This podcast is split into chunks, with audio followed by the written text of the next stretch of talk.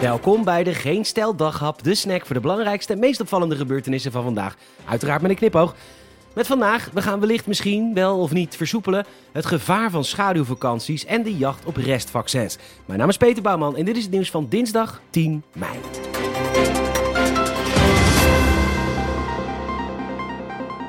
Morgen is er natuurlijk weer een persconferentie en als elke keer kan ik niet wachten om die weer niet te bekijken. Dat ik rond die tijd een boek aan het lezen ben met een glas wijn, fantaserend over een periode na deze pandemie.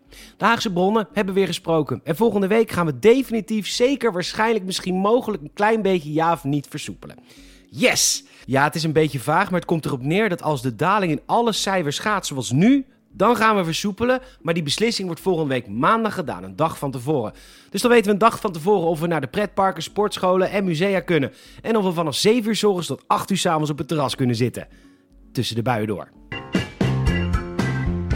De Franse president Macron beet afgelopen weekend van zich af door de Amerikanen even terecht te wijzen dat ze slechts 5% van hun vaccins weggeven aan derde wereldlanden als Mexico en Canada.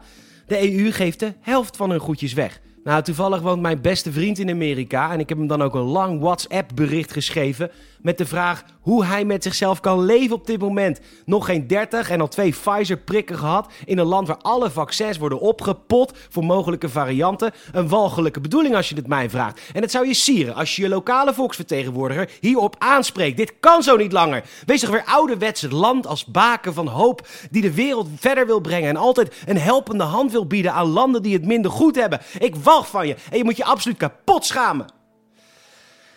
Nou goed, hij heeft het bericht nog niet gelezen, want hij heeft slecht bereik. Want hij is op dit moment uh, als vakantie een roadtrip door Amerika aan het maken. Omdat het daar allemaal weer, uh, weer kan.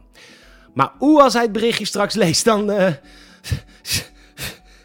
zal hem leren. De ABN 020 RO waarschuwt voor een nieuw en gevaarlijk fenomeen, namelijk schaduwvakanties. Veel mensen willen natuurlijk in het buitenland op vakantie, maar het is nog maar de vraag of dat straks kan. En wat doen die mensen dan? Nou, die boeken nu voor de zekerheid een huisje in een bungalowpark of een plekje op de camping. En zodra ze naar het buitenland kunnen, annuleren ze de bende. Dat meldt de T. 70% van de Nederlanders heeft te kennen gegeven dat de bestemming afhangt van de pandemie. En hoewel de annuleringsvoorwaarden in veel vakantieparken zijn aangescherpt, is de omzet bij een annulering alsnog een stuk minder dan bij huisjes waar wel mensen in zitten. En dus is het best mogelijk dat je aanstaande zomer niet last minute een vlucht naar Roders boekt, maar een last minute Roompot Hoeve Loggemaan de Berkel of een last minute Centerparks de Huttenheugte. Welkom op, welkom op de Hutten. Kijk niet maar. De website werd bij mij thuis de hele dag ge-F5'd, prullenbakvaccin.nl. Gemiste kans, prullenvaccin, bek net even lekkerder. Maar er wordt nu iets gedaan door een huisarts waar de landelijke politiek geen raad mee weet: spillage. Elke dag worden er vaccins weggeflikkerd omdat het niet de bedoeling is dat mensen voordringen. Heel Holland natuurlijk. Alles moet exact binnen de lijntjes. En we mieteren liever dingen weg dan dat iemand van bijvoorbeeld 45, 38 of 54 net even 2, 3, 8 maanden eerder zijn of haar vaccin krijgt. En dus besloot huisarts Marco Blanker, je bent een held, een website te lanceren, prullenbakvaccin.nl. Heb je als zorgmedewerker aan het einde van de dag vaccins over, meld je aan. Vervolgens kan iedereen boven de 18 zich aanmelden voor de shots. En volgens de artsenfederatie KNMG is het op zichzelf niet verboden om AstraZeneca te geven aan 60-minners, omdat het een goedgekeurd vaccin is.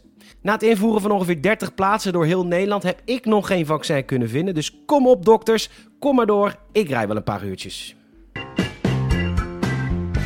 De nazi's waren geen lievertjes in de Tweede Wereldoorlog. Maar een van de ergste dingen die ze hebben gedaan is een sympathieke marketingstunt van de IKEA hebben nagedaan waardoor de Zweedse meubelboer nu in een kwaad daglicht wordt gesteld. De IKEA Delft had namelijk een goed idee. Het is best vervelend als je bijvoorbeeld heel astmatisch bent en je daardoor geen mondkapje hoeft te dragen van de dokter.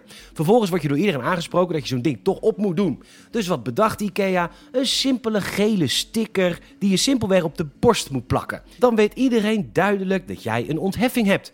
En wat blijkt, dat hebben de Duitsers ook al een keer gedaan. Met een gele print op de borst. Om mensen aan te duiden die ja, geen gasmasker op hoefden. Ja, zo kan natuurlijk niks meer. Straks mag de prikvrouw geen zwart snorretje op mensen tekenen als bewijs dat je bent gevaccineerd. En mag de Albert Heijn geen rode bovenarmbanden met een kruis meer uitdelen aan bejaarden die vroeg komen om boodschappen te doen. Waar gaat het heen met dit land? Bedankt voor het luisteren. En je zal ons enorm helpen als je een vriend of vriendin vertelt over deze podcast. En ook een Apple Podcast review zouden we enorm waarderen. Nogmaals bedankt en tot morgen.